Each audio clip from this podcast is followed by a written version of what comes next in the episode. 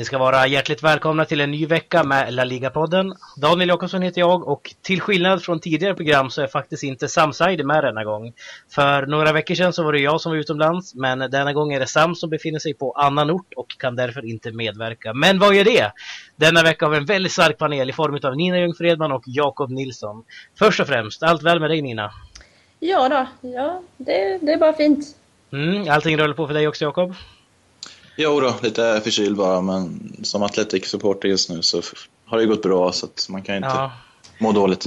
Nej, precis. Går inte att klaga då. Jakob håller alltså som sagt på Athletic Bilbao och Nina håller då på Real Zaragoza. Det kanske ni kommer ihåg, de har båda varit med tidigare i programmen. Um, vi kommer i detta program att surra en del om just Jakobs Athletic Bilbao. Eh, det var ju ett tag sedan vi snackade om det. Eh, dessutom ska vi gå in på en väldigt het debatt som gäller det spanska fotbollsförbundet versus de spanska supportrarna. Men allra först så är min tanke att vi ska prata lite grann om världens största match, nämligen El Clasico som spelas nu på söndag. Precis som vanligt så är det en match som är oerhört intressant på förhand kan man ju säga. Eh, vi börjar med dig Nina. Vad är dina förväntningar och förhoppningar på den här matchen nu på söndag? Jag vet inte om jag har några direkta förhoppningar men ehm, vad jag tror mm. kan jag säga på en gång, är väl att, eh, att Barcelona vinner och drar ifrån lite i, i toppen. Ja, det ser ju väldigt bra ut för Barcelona rent formmässigt här nu kan man ju säga. En vinst här, det är ju ett riktigt ryck måste man ju säga. Eh, vad tycker du Jakob? Vad, vad tror du om den här matchen Jakob? Ja, klar fördel såklart Barcelona med tanke på formen de har och sådär. Eh, och den lite av svacka som Real har just nu. Så att, eh, mm. det kommer säkert bli en spännande match trots det. Och Real har väl fått tillbaka en del spelare som, som har varit borta. Jag tänker på Modric och eh, Sergio Ramos. Mm. Så att, ja, ja. Nej, det blir spännande. Men om vi bortser från bara liksom eh, fördelen av hemmaplan och formmässigt. Vad lutar åt ena eller andra hållet Nina, tycker du? Om vi säger Barcelona, vad är det som gör dem till ett bättre lag enligt dig just nu? Oj, uh, jag vet inte om jag vill säga bättre, men de verkar i alla fall mer stabila än vad Real Madrid gör. Mm. Tycker jag. För att där känns det som att det är någonting som inte riktigt stämmer. Att det har varit en del gester och man spekulerar i vad säger Ronaldo till publiken och så vidare. Och Casillas får gå ut och, och säga till sina lagkamrater och liksom tacka fansen. Och, ja. ja så nej, Barca känns mer stabilt. Mm, håller du med Jakob? Absolut. Ja, eh, men om vi säger, tänker så här då, Real Madrid, ni nämner att de är lite skakade och sådär, vann ju nu senast mot Levante då. I och för sig förlust tidigare i veckan mot Schalke 04, två matcher utan seger. Eh, ja, vart har vi Real Madrid i dagens läge tycker ni? Vi börjar med dig Jakob. Jag vet inte riktigt. Det ehm, som tydligt är så är de ju i en svacka just nu. Då. Det är många faktorer som spelar in där. De har ju haft några borta och Eh, ja, det har gått lite troll i, i offensiven också där så att eh, Ronaldo har ju inte levererat som han har gjort tidigare. Och Casillas ifrågasatt och ja, nej, det är ju mycket frågetecken. Och, mm. förut, ja, tidigare har det varit så pass, de har ju flyttat på så bra, det har varit sån harmoni innan mm. då, så det, det, är klart det kommer ju dippar då och då, men jag vet inte, man kanske inte ska skruva upp det allt för mycket. Det, de vänder säkert på, på steken. Ja, de brukar göra det. Men det, det här med Casillas är lite intressant, tycker i alla fall jag. alltså Casillas, ända sedan det här Mourinho-grejen har han ju blivit ifrågasatt. Vad han än gör i princip så blir han ifrågasatt Casillas. Alltså släng in en annan målvakt, jag tror inte han skulle göra så mycket bättre. Möjligtvis David de Gea liksom, men jag vet inte. Tycker inte ni att kritiken mot Casillas har varit lite överdriven? Eller vad säger du Lina? Jo, jag tror att det har blivit lite vana att kritisera och, och ifrågasätta allt han gör nu ända sedan. Ja, på det sättet har ju Mourinho förändrat eh, jargongen. För han var ju verkligen, jag vet inte vilket ord jag ska använda, men i brist på bättre gullegris i Real Madrid mm. ett tag. Och verkligen. nu så, så har han styrt liksom debatten, han har vänt på den. Mm. Precis, jag håller du med Jakob? Ja, jag vet inte. Jag ser inte Real så mycket, men eh, jag tycker ändå han har sett lite skakig ut. Jag vet inte om det beror på allt som har snurrat runt omkring honom där. Liksom han känns som han gjort fler misstag och sådär. Så att lite poäng finns det väl i kritiken mot honom tycker jag i alla fall. Mm. Sen är den säkert, det går väl att argumentera för det, att den är överdriven och det, det blir mycket som blir större än vad det borde vara i, i medier och så. det blir, blir ju ofta det. Och nu har man ju snackat om att han eventuellt ska petas också mot Kille Navas. Men jag tror Ancelotti sa i någon intervju nu att Casillas kommer spela. Vilket jag tycker är bra också med tanke på att Kille Navas har aldrig spelat El Clasico tidigare. Så att... Vad jag vet i alla fall. Nu kanske jag sa fel här, men jag tror inte han har spelat El Clasico tidigare. I alla fall. Men eh, om vi backar lite grann på matchen i sig då. El Clasico är ju en väldigt stor match, liksom. kanske den största vi har i världen. Förmodligen den största skulle jag vilja påstå. Um, vad är din relation till El Clasico som eh, liksom match Nina? Vad är det för typ av... Vad, vad får du för känslor när du hör El Clasico? Alltså jag har nog de tråkigaste relationerna till El Clasico. För mig som inte är så jätteintresserad eller förtjust i varken Barca eller Real Madrid mm. så, så bryr jag mig faktiskt inte så mycket om den som jag vet att man ska göra. Mm. Det är ett Nej. stort spektakel för mig. Det är mest vad jag tänker på. Och, och, jag tänker mer på det här som pågår runt omkring de, de respektive propagandamaskinerna som liksom sport och markar och som, som pumpar ut mm. ja, inom citationstecken sanningar och de två ja, alltså allting runt omkring, det, det, blir mer det som, som tar fokus. Det är lite kul att just de här sanningarna liksom varierar så mycket beroende på vilken tid ja, de, är. de varierar otroligt mycket och sen så de, de här båda lägren, de, liksom, de svartmålar andra och vet mycket väl om att oh, där har de en sån propagandamaskin men vi, ja, våran tidning är, är liksom lite mer objektiv ändå, den kan vi ändå lita på. Så, här, så mm. ja, de är så påverkade av det också så det går liksom inte att få ut något vettigt. Nej, men tycker du att eh, liksom hypen runt El Clasico är för mycket? Är den överdriven den här matchen då, tycker du? Alltså på ett sätt så har det blivit så att så som spanska ligan ser ut så är det ju där den avgörs i princip. Får man väl ändå mm. lov att säga. Och det är ju tråkigt att det är så. Mm, ja, framförallt i år kan man väl nästan säga det med tanke på Atleticos ja. form och sådär. Um. Så, så på det sättet så är den ju ändå inte överdriven men det är mer ett, ett tecken på det som jag tycker är fel med fotbollen i stort. Att de där två jättarna som spänner sina ekonomiska muskler gentemot varandra liksom, med allt vad det innebär. Men det är en häftig match å andra sidan oftast. Det brukar vara det. Eh, häftiga möten, tycker ja, jag det kan det vara. Speciellt när det blir lite känsla i det och det hettar till. Mm, det var liksom hetast där under Mourinho-eran. Eh, kan man Vad man vill tycka om honom så var det ändå... Ja, det hände saker. Ja, det gjorde det verkligen. Peter i Villanovas ögon och så vidare. Ja. Men vad, tycker, vad har du för relation till Clasico och Jakob? Du som håller på Athletic Bilbao som inte heller, precis som Nina, sympatiserar med något av de här lagen.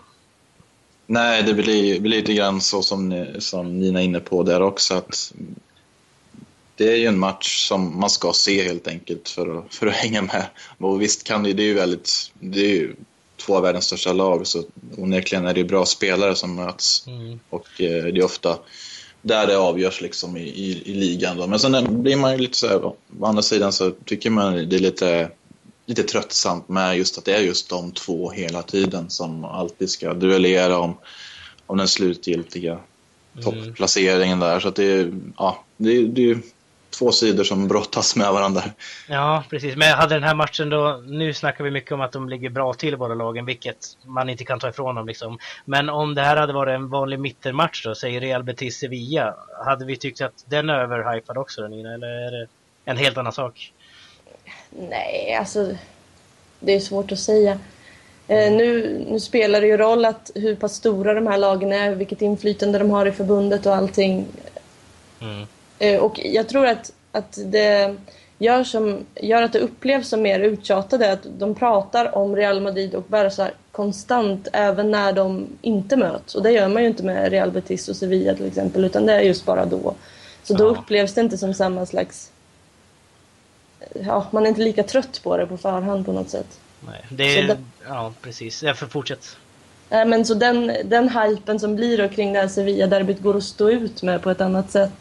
Nu låter jag jättenegativ, jag menar inte så, men jag tror att, att ni, ni fattar vad jag menar. Ja, jag förstår. Men det är lite intressant där också, om man går in på liksom Marcas engelska sida nu, för de som inte kan spanska, så ser man ju vi har Real Madrid på en flik, Barcelona på en flik och spansk fotboll på en flik, vilket liksom alla andra lag går in under, vilket är lite anmärkningsvärt kan jag tycka i alla fall.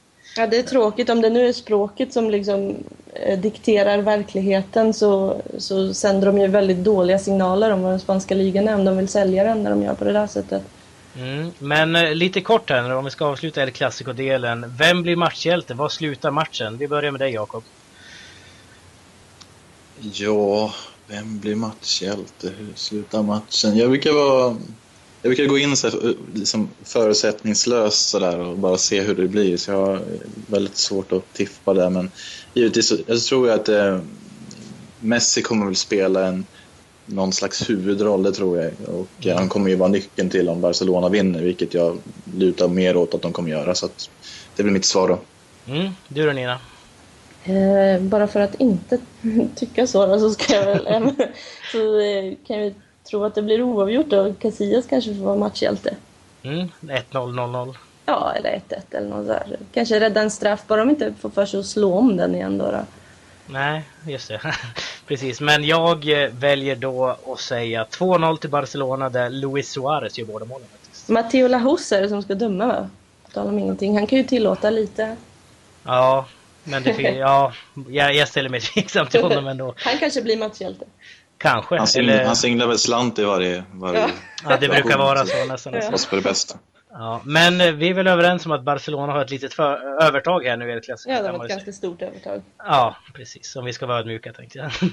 men eh, vi sätter stopp för del 1 där och när vi är tillbaka då ska Jakob briljera med lite Athletic Bilbao.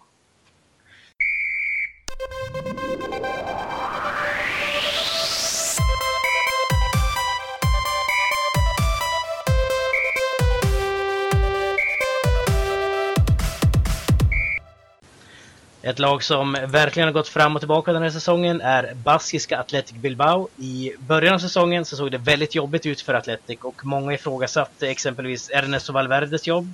Men nu ser det mycket bättre ut och laget ligger på en respektabel åttonde plats. I helgen vann man då återigen mot ehm, eller återigen en match ska jag säga, men man vann mot Celta Vigo med 1-2 och senast laget förlorade nu var i början av februari.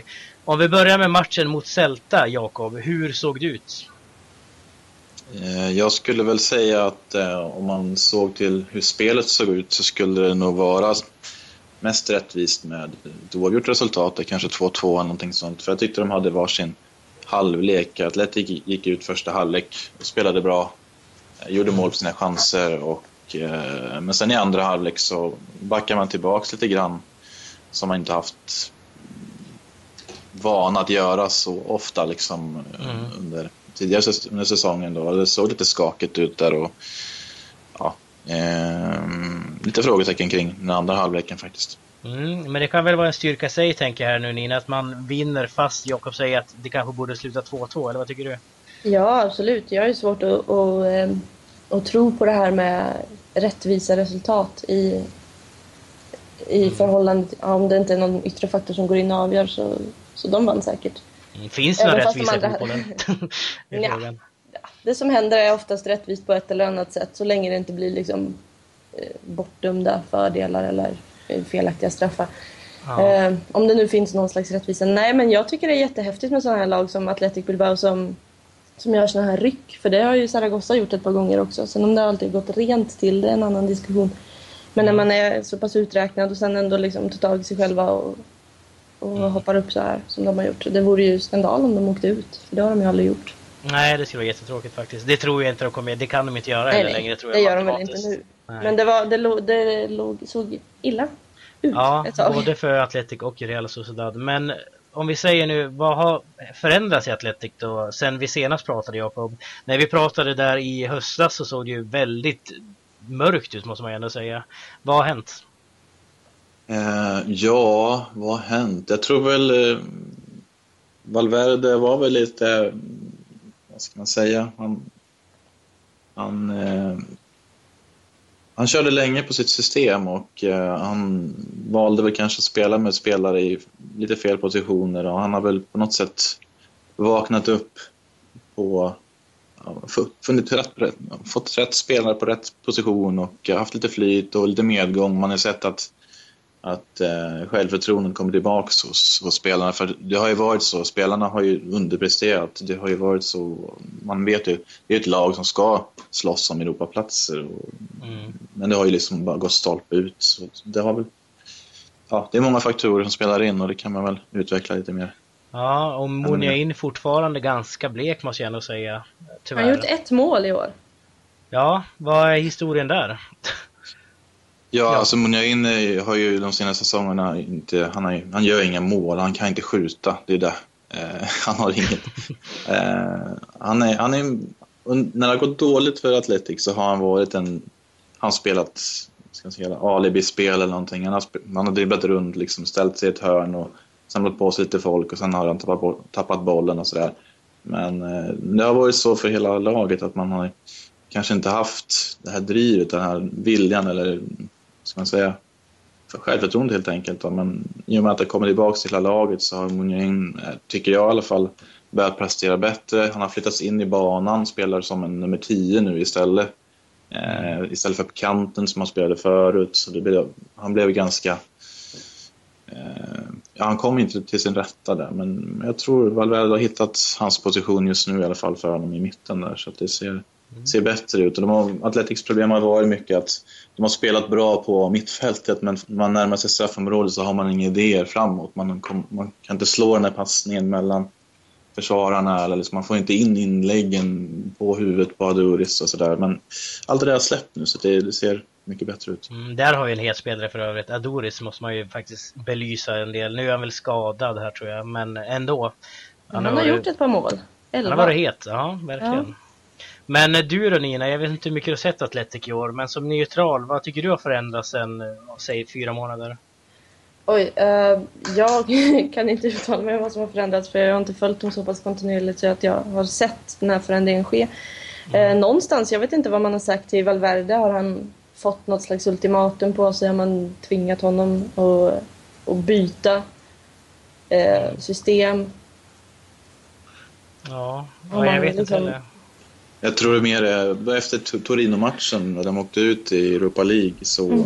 på något sätt där så jag vet inte om det var lite lättnad hos spelarna att okej, okay, nu har vi en turnering mindre att tänka på. Nu har vi cup och liga tillsammans med att Valverde fick någon han gjorde en väldigt, just i den matchen så ändrade om systemet helt och spelade, anpassade systemet efter Torinos 3-5-2 uppställning. Och det blev lite galet och lite, ja, kaos. Att gick tillbaka till någonting som man trodde på sen tidigare och, i och med att hitta Munjains position. Lite grann, det har kommit, det har rullat på lite grann. Man har kunnat slappna av lite mer. Och vann mot Real Madrid. Ja, bara det liksom. Det, det, var, har, det var ju starkt. Jag har levt ja. en hel vecka, den, den känslan. Och... det måste liksom ha lyft upp laget ganska mycket. Absolut. Mm, alltså, men, eh, skalp. Ja, precis. Du är inne på Europaspelet här. Eh, jag tänkte, man har ju åkt ur både Champions League och Europa League. Vad har liksom gått snett i Europa? Har man liksom inte bara orkat anpassa sig till tre turneringar samtidigt här, Jakob? Jag vet inte, man hade så pass dålig form när det var dags för Europaspelet och man fick ju stryk.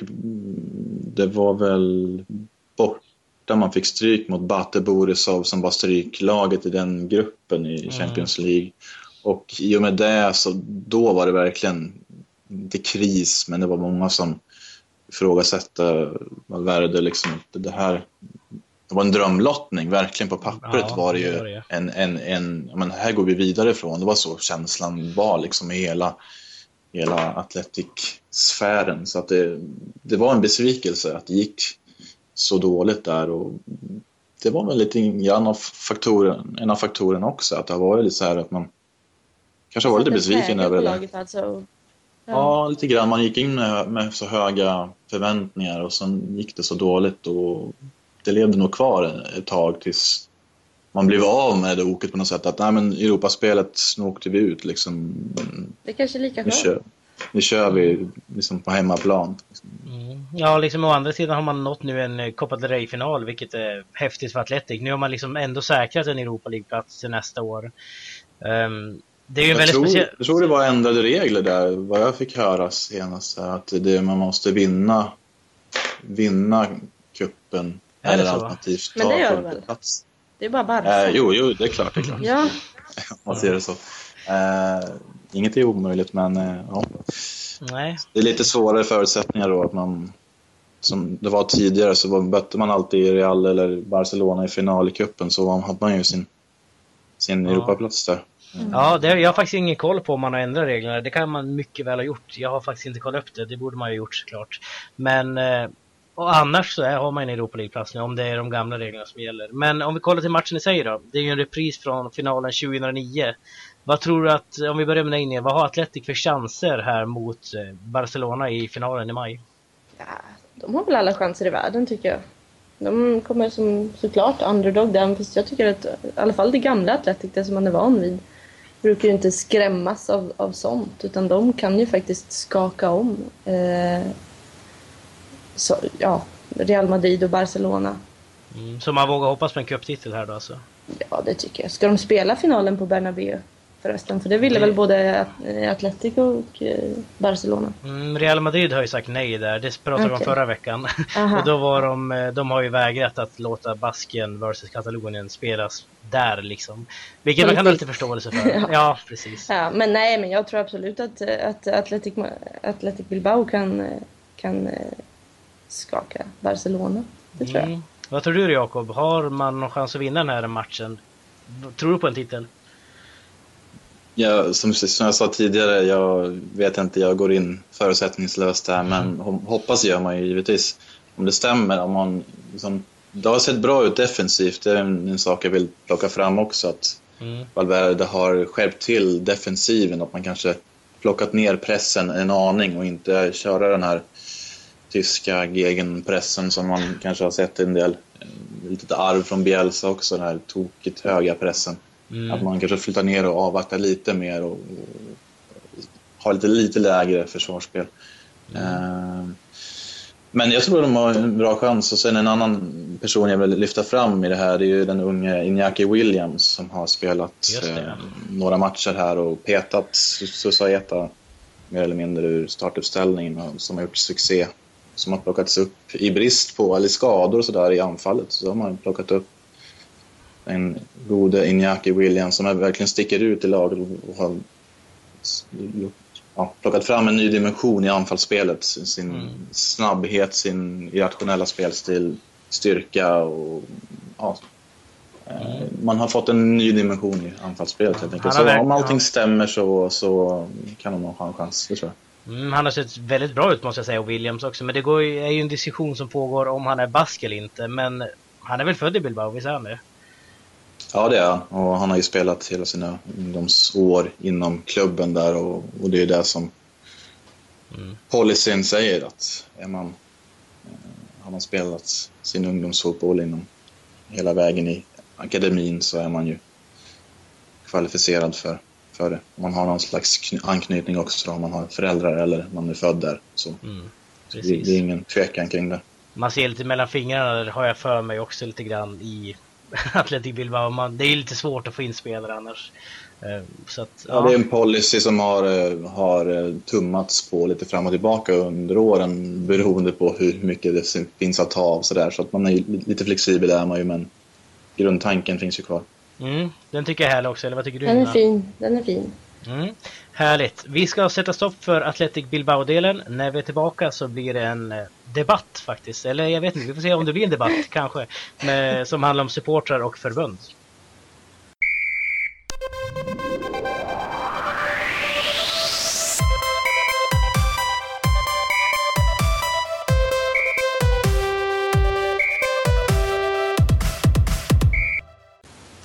Tidigare under säsongen så gick Deportivo-supporten Jimmy bort i Madrid efter bråk mellan båda lagens Ultras, Los Suaves och Frente Atletico.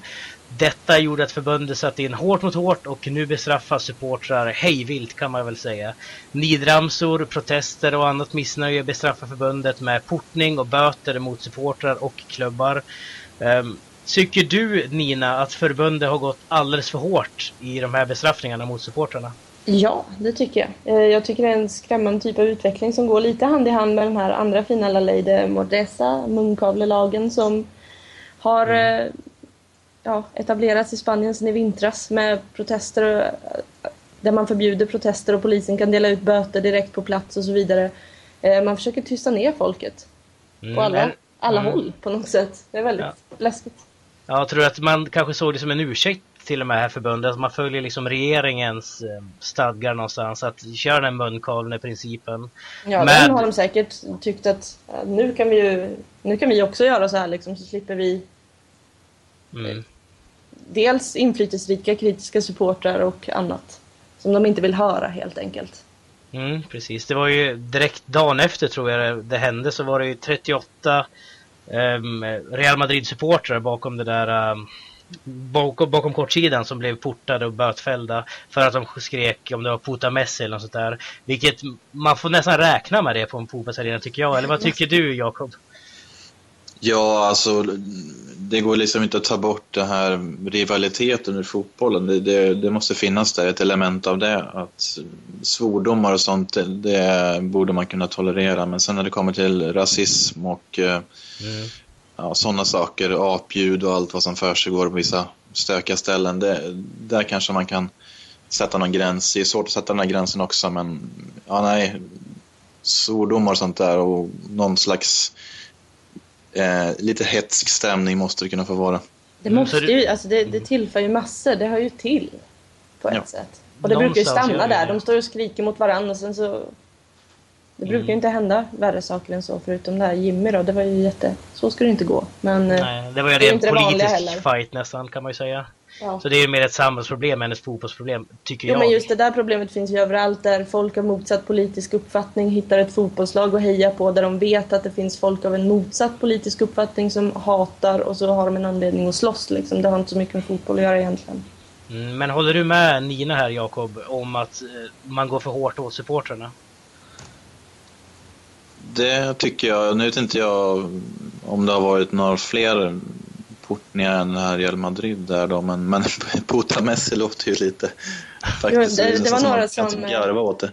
Som blev avstängda i Osasuna. Osasuna och Zaragoza har ju en berömd rivalitet och där var det några som varit avstängda för att de liksom de har sina klassiska eh, låtar de sjunger mot varandra. Todo, Sauna, Puta, Osasuna och sådär. Alltså mm. det, återigen, det harmlöst lite töntigt men det hör till. Det är ing, mm. absolut ingenting som man ska behöva bli avstängd för men där var det några Osasuna-supportrar som varit avstängda. Jag tror att klubben fick böter på 27 000 euro eller någonting också för det. Mm.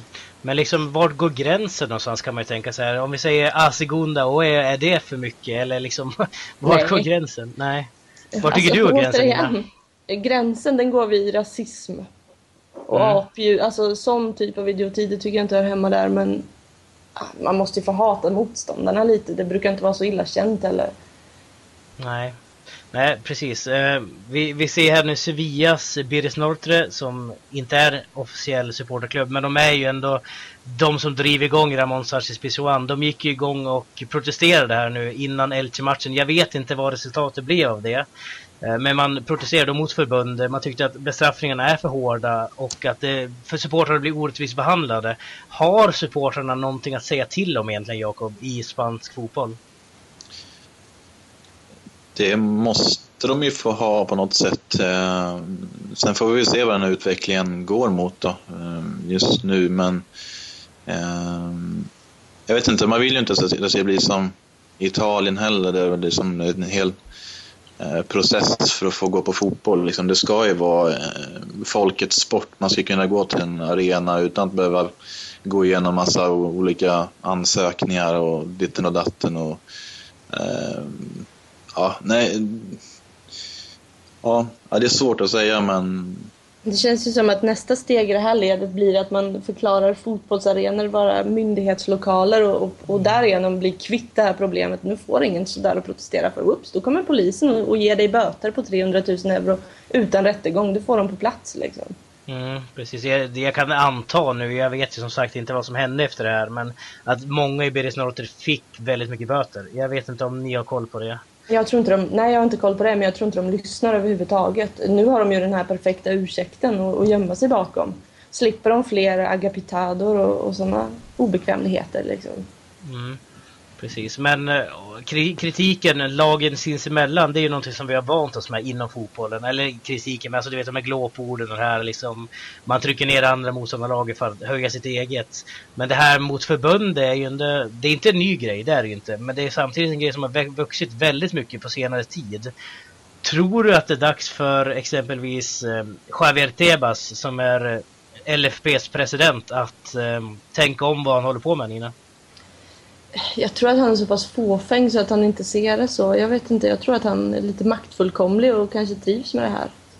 Mm. Jag, jag hör som ni hör väldigt låga tankar om de här personerna men nej, jag tror inte han kommer tycka... Jag tror att han tycker att han, han är rätt och att han... Eh, ja, precis. Mm. Och att han kanske alltså, piskar ännu hårdare då för att få tyst på folk igen.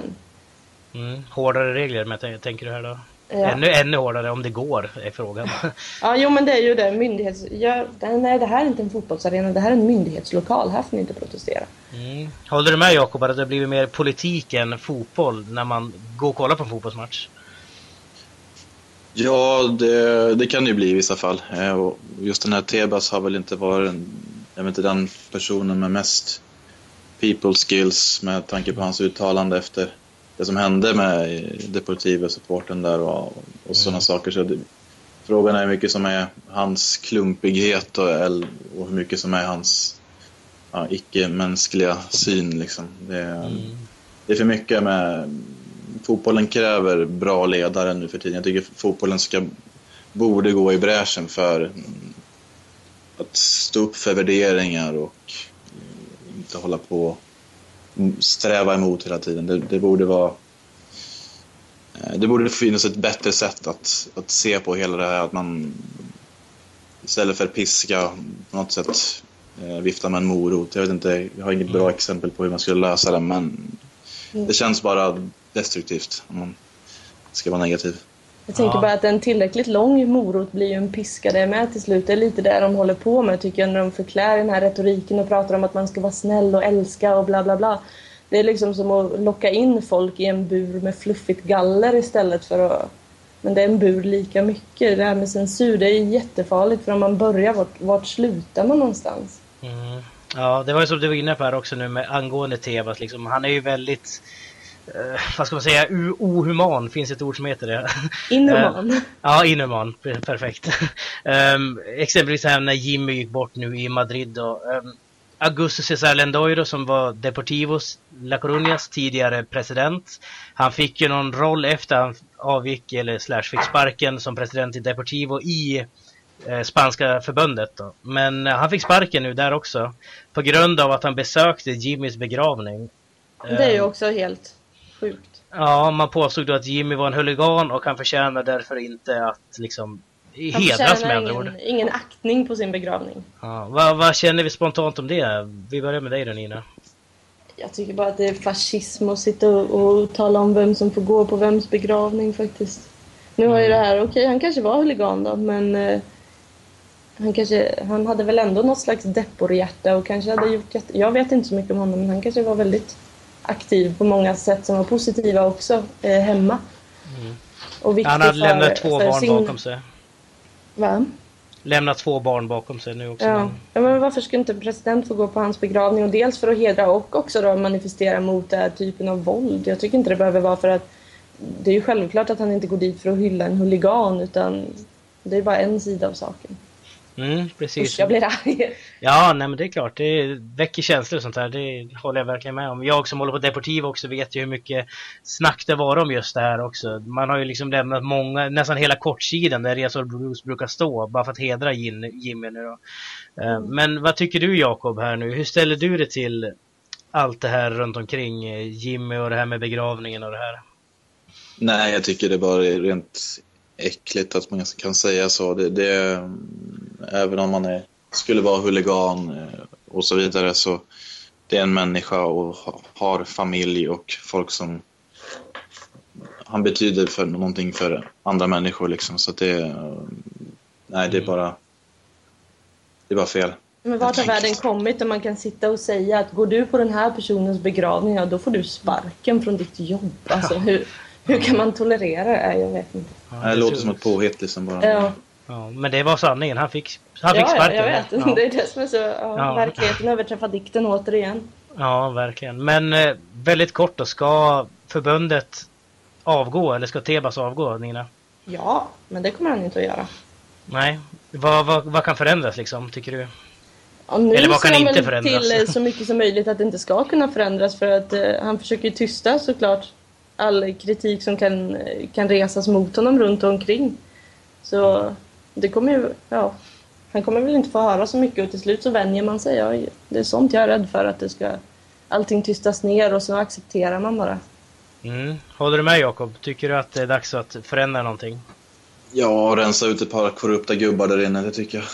typ 80 procent av det där förbundet kan man Ja. rensa ut. Det som Barcelona och Real Madrid har sån jättemajoritet på som gör att så länge de två har 80 procent av förbundet så kommer det ju inte förändras någonting eftersom det gynnar dem för mycket och de har så stor majoritet. Mm. Härligt! Vi ska faktiskt avsluta programmet nu. Det var jättebra debatt här.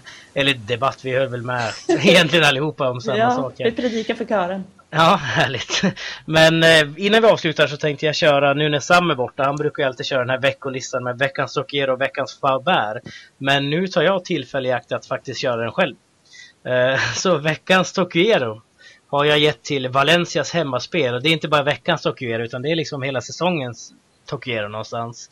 Man har vunnit sju raka matcher nu. Senast vann man då mot Deportivo. Man har förlorat en match. Det var mot Barcelona på stopptid i 93 tror jag det var och en oavgjord. Man har vunnit 12 matcher, en kryss, ett kryss menar jag och eh, en förlust. Veckans favär går till Cordoba som jag faktiskt alldeles nyligen innan vi började sända det här sparkade Miroslav Djukic, vilket är den andra managern man sparkar denna säsong. Man har inte fått till det varken på planen eller utanför och därför tycker jag att Cordoba både som lag och som klubb någonstans förtjänar veckans Faber faktiskt. Ja, det är instabilt lag. Mm, verkligen. Det är nog Segunda rakt ner där. Ja, De lyckades vinna mot. Atletic i alla fall. Sa han bittert liksom. Väldigt bittert. Men vad, vad tycker du om listan? Köper ni den? Ja då, vi köper den. Låter bra. Härligt. Men eh, tack så mycket Nina och tack så mycket Jakob för att ni ville vara med denna vecka. Tack för att vi fick vara med. Men eh, vi, ni lär säkert vara med framöver också. Men eh, tack till er som har lyssnat och jag hoppas att ni var med hela vägen. Vi syns nästa vecka. Hejdå! Hej då! Hej då.